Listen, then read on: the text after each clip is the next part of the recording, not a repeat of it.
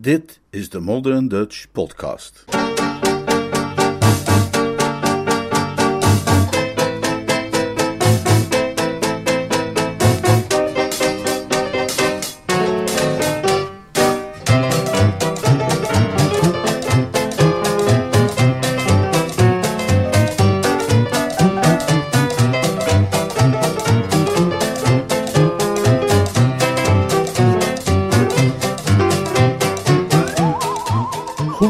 Bezig, Jeeves.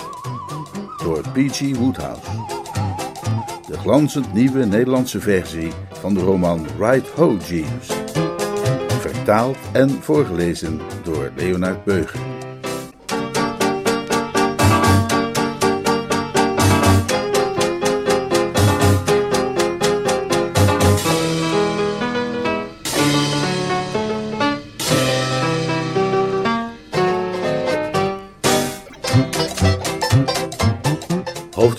21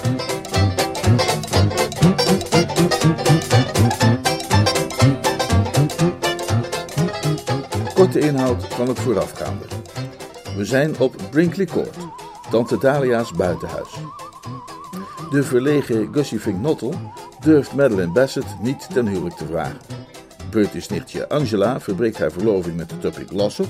En tante Dalia durft oom Tom niet alweer geld te vragen voor haar tijdschrift Milady's Boudoir.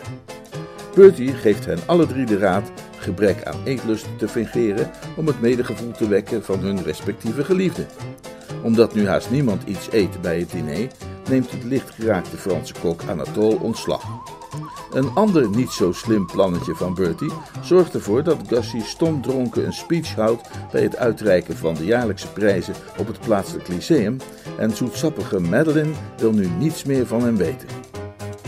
Ook Bertie's acties om Tuppy en Angela weer bij elkaar te brengen lopen mis en zorgen er alleen maar voor dat Tuppy woedend wordt op Bertie. Gussie verlooft zich direct daarna bij wijze van gebaar met de door Tuppy teleurgestelde Angela. De jaloerse Tuppy zit hem daarom woedend achterna door het hele huis. Gussie vlucht het dak op en maakt door een zolderraam de kok Anatole aan het schrikken. Die houdt een woedende tirade en zijn ontslag lijkt nu tot groot verdriet van tante Dalia definitief. Madeline laat Bertie in een briefje tot diens afschuw weten dat ze, nu Gussie met Angela verloofd is, met hem zal trouwen.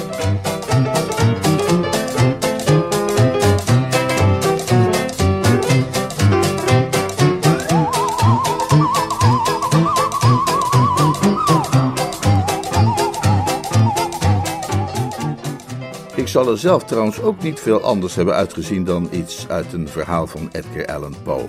Want, zoals u zich gemakkelijk zult kunnen voorstellen, was het bericht dat ik zojuist had gekregen bij mij nogal hard aangekomen.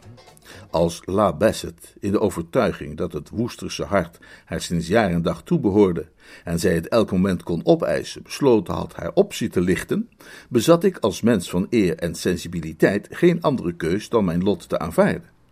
Dit was duidelijk geen kwestie die kon worden afgedaan met een kort en bondig nolle prosecui. Alle bewijsmiddelen leken erop te duiden dat de doem op mij rustte en van plan was dat te blijven doen. En toch, ook al wil ik niet beweren dat mijn greep op de situatie helemaal de greep was die ik erop had willen hebben, was ik niet zonder hoop een oplossing te kunnen bedenken. Een mindere man zou onder deze omstandigheden wellicht de handdoek in de ring hebben gegooid en de strijd hebben opgegeven, maar het hele punt met betrekking tot de woesters is nu juist dat zij geen mindere mannen zijn. Om te beginnen las ik haar briefje nog maar eens opnieuw. Niet dat ik ook maar enige hoop had dat een tweede lezing in staat zou zijn mij een andere blik op de inhoud te bieden, maar het hielp de tijd te vullen, terwijl de hersens een beetje warm draaiden. Vervolgens nam ik om het denken te ondersteunen een nieuwe portie van de vruchtensalade en at ik een plakje van de begrafeniscake. Pas toen ik overstapte op de kaas, kwam de machinerie echt op gang en zag ik wat mij te doen stond. De vraag die het denkvermogen het meest belastte, te weten, kan Bertram dit aan, kon ik nu beantwoorden met een zelfverzekerd absoluut. Bij dit soort gevallen van vuil spel is het namelijk de kunst om kalm te blijven, het hoofd koel te houden en te proberen de aanstichters te vinden. Als je eenmaal de aanstichters hebt, weet je hoe je verder moet. En in dit geval was de aanstichter duidelijk zij van Bassett. Zij was het die de hele heksenketel begonnen was door Gussie te dumpen. En het was glashelder dat eer er met wassen en scheren begonnen kon worden, zij ertoe moest worden overgehaald haar opvattingen te herzien en Gussie weer in genade aan te nemen. Daardoor zou Angela weer in circulatie komen, wat Tuppy ongetwijfeld aanzienlijk zou kalmeren. En dan waren we tenminste ergens. Ik besloot dat ik die Bassett zou gaan opzoeken zodra ik nog een brokje kaas had verorberd en dat ik bijzonder uitgesproken tegen haar zou zijn. Op dat moment kwam zij binnen. Ik had eigenlijk wel kunnen voorzien dat ze snel genoeg zou komen opdagen.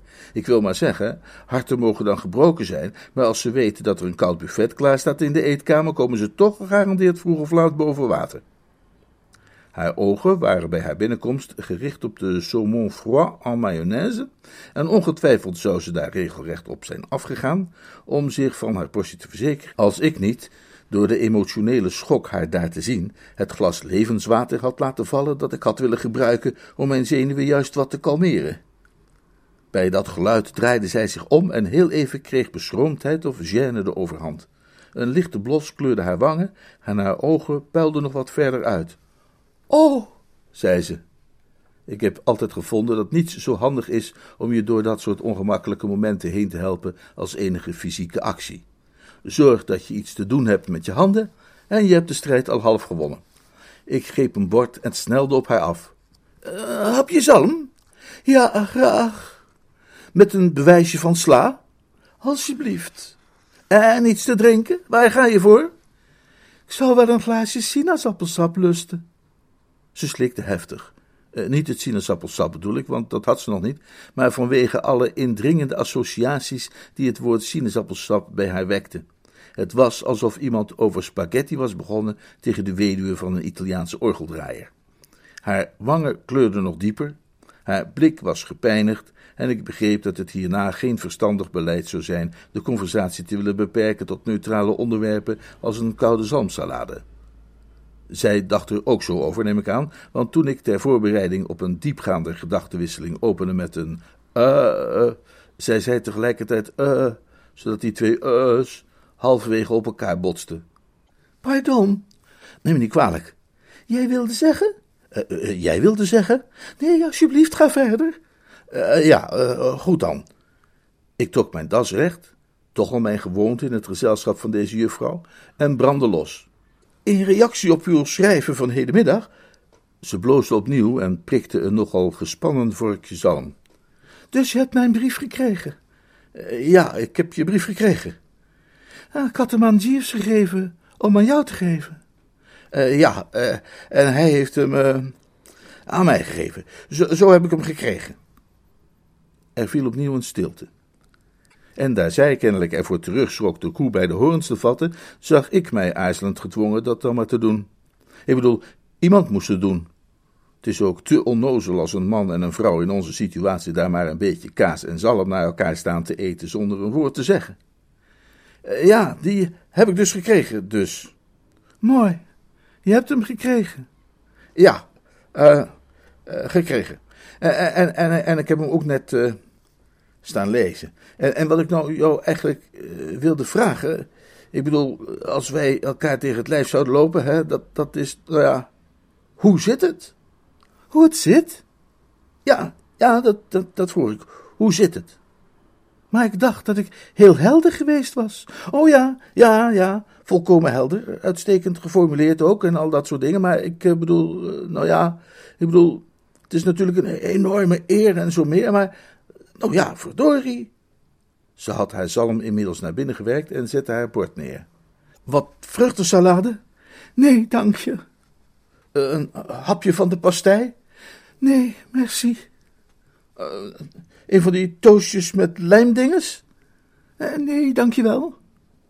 Ze nam een kaasstengeltje en ik vond nog ergens een hardgekookt ei dat ik over het hoofd had gezien. Toen zei ik: Ik wilde eigenlijk zeggen, precies op het moment dat zij ik geloof dat ik weet, zei, en vond er weer zo'n verbale botsing plaats.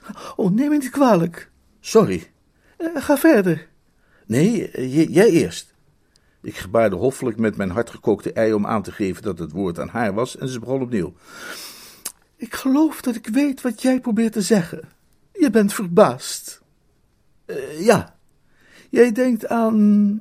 Precies. Mr. Finknottel. Wat je zegt. En je vindt het moeilijk te begrijpen wat ik heb gedaan? Absoluut. Ik ben niet verbaasd. Nou ja, ik dus wel. En toch is het heel eenvoudig. Ze nam nog een kaasstengeltje. Ze hield kennelijk van kaasstengeltjes. Echt heel eenvoudig. Ik wil jou gelukkig maken. Dat is ontzettend aardig van je. Ze eh, verdomde netjes. Ik zal de rest van mijn leven wijden aan jouw geluk. Uh, goed plan. Heel uh, vriendschappelijk, om zo te zeggen. Het is het minste wat ik kan doen. Maar mag ik eerlijk tegen je zijn, Bertie? Oh ja, natuurlijk. Dan wil ik je toch dit zeggen. Ik ben erg op je gesteld en ik zal met je trouwen. Ik zal ook zeker mijn best doen om een goede vrouw voor je te zijn. Maar mijn gevoelens voor jou kunnen nooit de vurige passie zijn die ik voor Augustus heb gevoeld. Ja, en dat, dat is nu eigenlijk precies waar ik heen wilde. Uh, uh, daar zit, zoals je zegt, de crux. waarom laat je toch dat hele idee om verder met mij op te trekken niet gewoon varen, hè? zet het uit je hoofd. Ik bedoel, als jij van onze brave Gussie houdt... Niet meer, Bertie. Ach, kom. Nee. Wat er deze middag gebeurd is, heeft mijn liefde voor hem gedoofd. Iets wat zo mooi was, is beklad en daardoor voor altijd bedorven. Nooit kan ik meer dezelfde gevoelens voor hem hebben als die ik had. Ik voelde natuurlijk wel aan wat zij bedoelde. Kusje had zijn hart aan haar voeten geworpen en zij had het opgenomen, maar vrijwel direct daarna had zij geconstateerd dat hij al die tijd zo dronken was geweest als een kanon. Dat moet een ernstige schok voor haar geweest zijn. Geen enkel meisje vindt het leuk om te ontdekken dat een vent volkomen bezopen moet zijn om haar ten huwelijk te kunnen vragen. Dat schendt haar trots. Desondanks hield ik vol. Maar heb je wel overwogen, vroeg ik, dat je wellicht Gussie's optreden van vanmiddag in een verkeerd licht hebt gezien? Ik geef toe dat alle bewijs in de richting van een duisterder theorie lijkt te wijzen, maar het is toch mogelijk dat hij bijvoorbeeld een uh, zonnesteek had gekregen? Huh? Mensen krijgen wel eens zomaar zonnesteken, weet je, vooral als het van dat warme weer is. Ze keek me aan en ik zag dat ze enigszins met de waterlanders te worstelen had. Ah, het is zo typisch iets voor jou om zoiets te zeggen, Bertie. En dat waardeer ik ook erg in je. Ach nee. Jawel, jij bezit een wonderschone, ridderlijke ziel. Helemaal niet. Jawel, zo is het. Jij doet mij denken aan Cyrano. Aan wie? Aan Cyrano de Bergerac. Die vent met die neus? Ja. Ik kan niet zeggen dat ik daar nu heel blij mee was. Ik voelde stiekem even aan mijn snuffert. En die was weliswaar vrij prominent misschien, maar verdorie, toch absoluut niet in de Cyrano-klasse. Straks ging ze me nog vergelijken met Jimmy de Kokker te Durante. Hij had lief, maar pleitte eens anders zaak. Ah, nu begrijp ik wat je bedoelt. Ik bewonder je erom, Bertie. Dat was iets heel moois van jou om te doen, mooi en edelmoedig. Maar het heeft geen zin. Er zijn nu eenmaal dingen die de liefde doen vergaan. Ik zal Augustus nooit kunnen vergeten, maar mijn liefde voor hem is verdwenen. Ik word jouw vrouw. Tja, een mens moet beleefd zijn. Uh, uh, mooi. Heel mooi, zei ik. vreselijk bedankt. Daarna stierf onze dialoog weer compleet weg en stonden wij in stilte tegenover elkaar, respectievelijk kaasstengels en hardgekookte eieren te eten. Er leek een soort onduidelijkheid te bestaan over wat de volgende stap zou moeten wezen. Gelukkig kwam Angela binnen voordat het niveau van ongemakkelijkheid echt onhoudbaar werd en maakte een einde aan de situatie. La Bassett kondigde onze verloving aan. Angela kuste haar en zei dat ze hoopte dat ze heel, heel gelukkig zou worden, waarop La Bassett haar terugkuste en zei dat ze hoopte dat zij heel, heel gelukkig zou worden met Gussie. Angela antwoordde dat zij dat vast en zeker zou worden, omdat Augustus zo'n schat was, waarop La Bassett haar weer kuste en Angela haar weer terugkuste. Kortom, de hele toestand werd zo ontzettend vrouwelijk dat ik blij was er stilletjes tussenuit te kunnen knijpen. Nu was ik toch al blij geweest om er vandoor te kunnen gaan, omdat als er ooit een ogenblik was geweest waarop Bertram dringend wat denkwerk te verrichten had, en denkwerk van niveau bovendien, dat ogenblik toch wel dit ogenblik was. Dit was immers, leek mij, het einde. Zelfs niet bij die gelegenheid een paar jaar eerder, waarbij ik onbedoeld verloofd was geraakt met Tuppy's gruwelijke nicht Honoria, had ik het gevoel gehad zo diep in de puree te zitten en bijna op het punt kopje onder te gaan om nooit meer boven te komen. Ik dwaalde een beetje de tuin in en rookte een gekweld sigaretje, mijn ziel in ijzeren banden bekneld.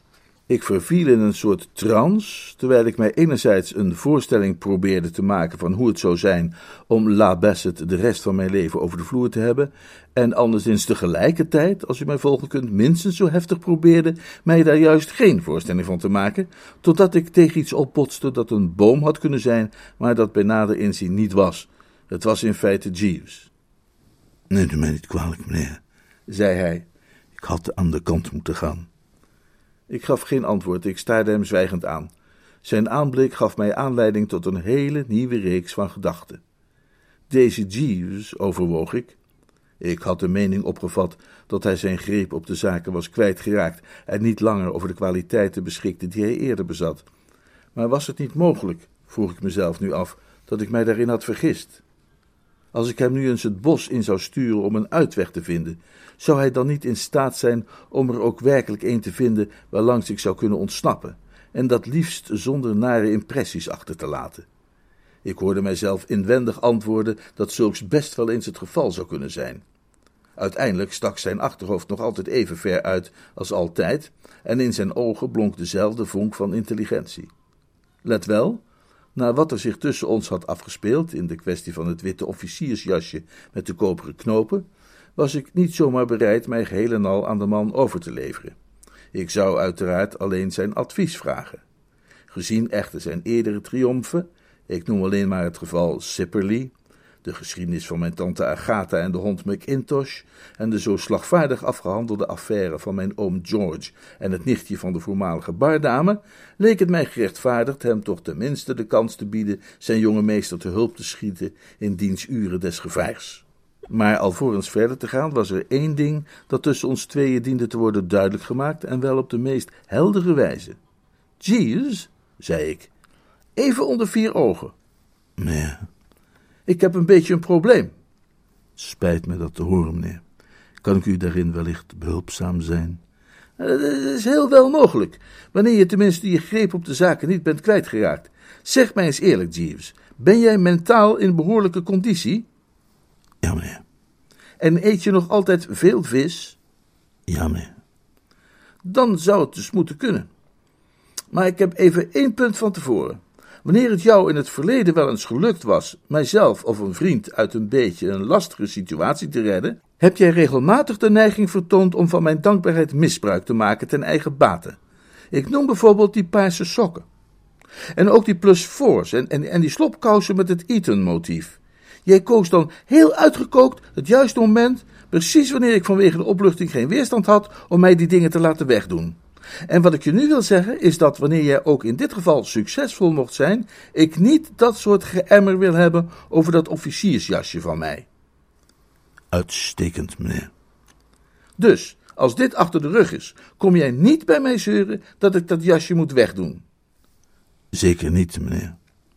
Onder die voorwaarden dan zal ik je mijn probleem voorleggen, Jeeves. Ik ben verloofd. Ik wens u alle geluk en zegen, meneer. Doe niet zo maf. Ik ben verloofd met Miss Bassett. Werkelijk, meneer? Ik was er mij niet van bewust. Ik ook niet. Het was een volkomen verrassing voor me. Maar goed, zo staan de zaken. De officiële notificatie stond in dat briefje dat je me bracht. Merkwaardig, meneer. Wat is merkwaardig? Het is merkwaardig dat het betreffende briefje een dergelijke inhoud bevatte. Toen Miss Bassett mij die boodschap overhandigde, leek zij mij allerminst in een gelukkige stemming. Ze is nog steeds in een allerminst gelukkige stemming. Je denkt toch niet dat ze echt met mij wil trouwen, is het wel? Foei, Jeeves. Zie jij dan niet dat dit eenvoudig weer zo'n verduiveld gebaar is, waardoor Brinkley Court in hoog tempo aan het veranderen is in een ware hel voor mens en dier? Vervloekt alle gebaren, zo denk ik erover. Ja, meneer. Maar goed, wat doen we daaraan? Heeft u het gevoel dat Miss Bassett, ondanks wat er is gebeurd, nog altijd gevoelens koestert voor Mr. Finknottel, meneer? Ze kwijnt weg voor hem. In dat geval, meneer, lijkt het mij het beste plan een verzoening tussen hen beiden tot stand te brengen. Ja, maar hoe? Kijk, nu sta je daar maar wat te zwijgen hè? en met je vingers te friemelen. Jij staat verstomd. Wanneer ik met de vingers friemelde, was dat uitsluitend ter ondersteuning van het denkproces. Nou, friemel dan vooral verder. Dat zal niet noodzakelijk zijn, meneer. Je bedoelt dat je al een idee hebt? Ja, meneer. Je verbaast me, Jeeves, maar laat horen. De opzet die mij te binnen schoot is er één die ik u al eens eerder heb voorgelegd, meneer. Wanneer heb jij mij dan eerder een opzet voorgelegd? Wanneer u zich de avond voor de geest zou willen halen waarop wij hier aankwamen, meneer. U was zo vriendelijk mij te vragen of ik wellicht een plan kon formuleren met het oogmerk Miss Angela en Mr. Glossop tezamen te brengen, en ik was zo vrij de suggestie te doen. Lieve hemel, toch niet weer dat brandalarmverhaal? Precies, meneer. Dat zie je nog steeds zitten. Ja, meneer. Hoezeer ik geschokt was door de gruwelijke klap die ik te verwerken had gekregen, blijkt wel uit het feit dat ik in plaats van dit voorstel met een kort pff of iets dergelijks van de hand te wijzen, erover ging nadenken of er misschien toch niet iets in zat. Toen ik dat brandalarmplan van hem de eerste keer ter discussie had gesteld, was ik daar, zoals u zich zult herinneren, vanaf het eerste moment en met volle overtuiging vernietigend over geweest. Waardeloos was de kwalificatie geweest die ik had gebruikt om dat plan te beschrijven. En wellicht weet u ook nog dat ik bij die gelegenheid sombere gedachten heb gewijd aan het toenemend bewijs voor de onmiskenbare teloorgang van een ooit zo vernuftig brein. Maar nu begon het op de een of andere manier uit te zien dat dit plan wellicht toch mogelijkheden bood. Het feit was waarschijnlijk dat ik op een dusdanig dieptepunt was gekomen dat ik bereid was eenvoudig alles te proberen, hoe waanzinnig ook. Hm. Loop dat plannetje nog eens met me door, Jeeves, zei ik nadenkend. Ik weet nog dat ik het een geschift plan vond, maar het kan zijn dat ik het niet in al zijn nuances gevat heb. Uw kritiek op dat moment, meneer, was dat het plan te bewerkelijk was. Maar ik geloof niet dat zulks in feite het geval is.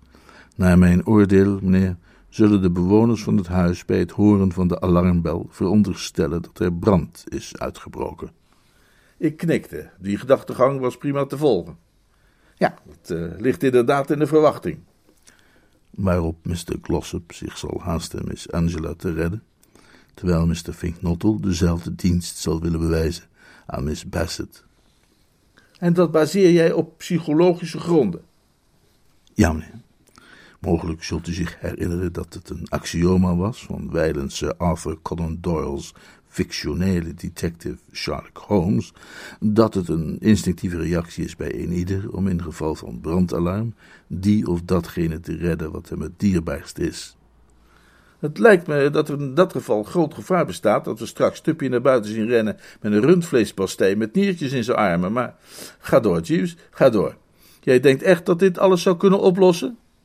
De onderlinge verhouding binnen de respectievelijke jeugdige paren zal na een dergelijke gebeurtenis bezwaarlijk gereserveerd kunnen blijven, meneer. Misschien heb je gelijk. Maar potjandori, als wij alarmklokken gaan luiden in de kleine uurtjes, bezorgen we dan niet half het huishoudelijk personeel een rolberoerte. Een van de dienstmeisjes, ik geloof dat ze Jane heet, springt nu al een halve meter omhoog van schrik als ik alleen maar onverwacht een hoekje omkom. Zij is een bijzonder neurotisch meisje, meneer. Dat is waar. Ik heb dat ook opgemerkt. Maar wanneer wij snel tot handelen overgaan, kunnen wij een dergelijk ongemak voorkomen. De gehele staf, met uitzondering van monsieur Anatole, zal vanavond afwezig zijn in verband met het personeelsbal op Kingham Manor. Natuurlijk. Zo zie je maar weer hoe de hele situatie mij heeft aangegrepen. Straks vergeet ik mijn eigen naam nog. Maar goed, laten we even proberen de zaak te visualiseren. Kling, klang gaat de bel. Gussie springt overeind en grijpt La Besset. Maar wacht even, waarom zou zij niet zelf gewoon de trap afgaan? U ziet het effect over het hoofd, meneer, dat een plotseling brandalarm zal hebben op het vrouwelijk temperament. Uh, dat is waar. Miss Bassett's eerste impuls, stel ik me voor, meneer, zou zijn om uit haar raam naar beneden te springen. Oei, dat zou minder leuk zijn. We willen haar niet in een soort pulp over het gazon zien uitgesmeerd. Dat lijkt me dan een zwakke plek in dat plannetje van jou, Jeeves, dat straks de hele tuin vol ligt met verminkte lichamen. Nee, meneer. Ik mag u eraan herinneren dat Mr. Travers vanwege zijn angst voor inbrekers alle ramen heeft laten voorzien van stevige tralies. Ah ja, natuurlijk ja. Hm. Ah, nou, dat klinkt dan veelbelovend, zei ik, hoewel nog altijd wat weifelend. Zou best wel een succes kunnen hebben, maar ik heb gewoon het gevoel dat het op de een of andere manier ook heel fout zou kunnen gaan. Maar goed, ik ben niet in een positie om te gaan muggenziften. We gaan het doen zoals jij zegt, Jeeves, al blijf ik, zoals ik zeg, mijn twijfels houden. Om hoe laat stel je voor dat we de klok laten bijeren? Niet voor middernacht, meneer. Ergens na middernacht dus. Ja, meneer. Heel goed. Om 0 uur 30 stipt zal ik bijeren. Uitstekend, meneer.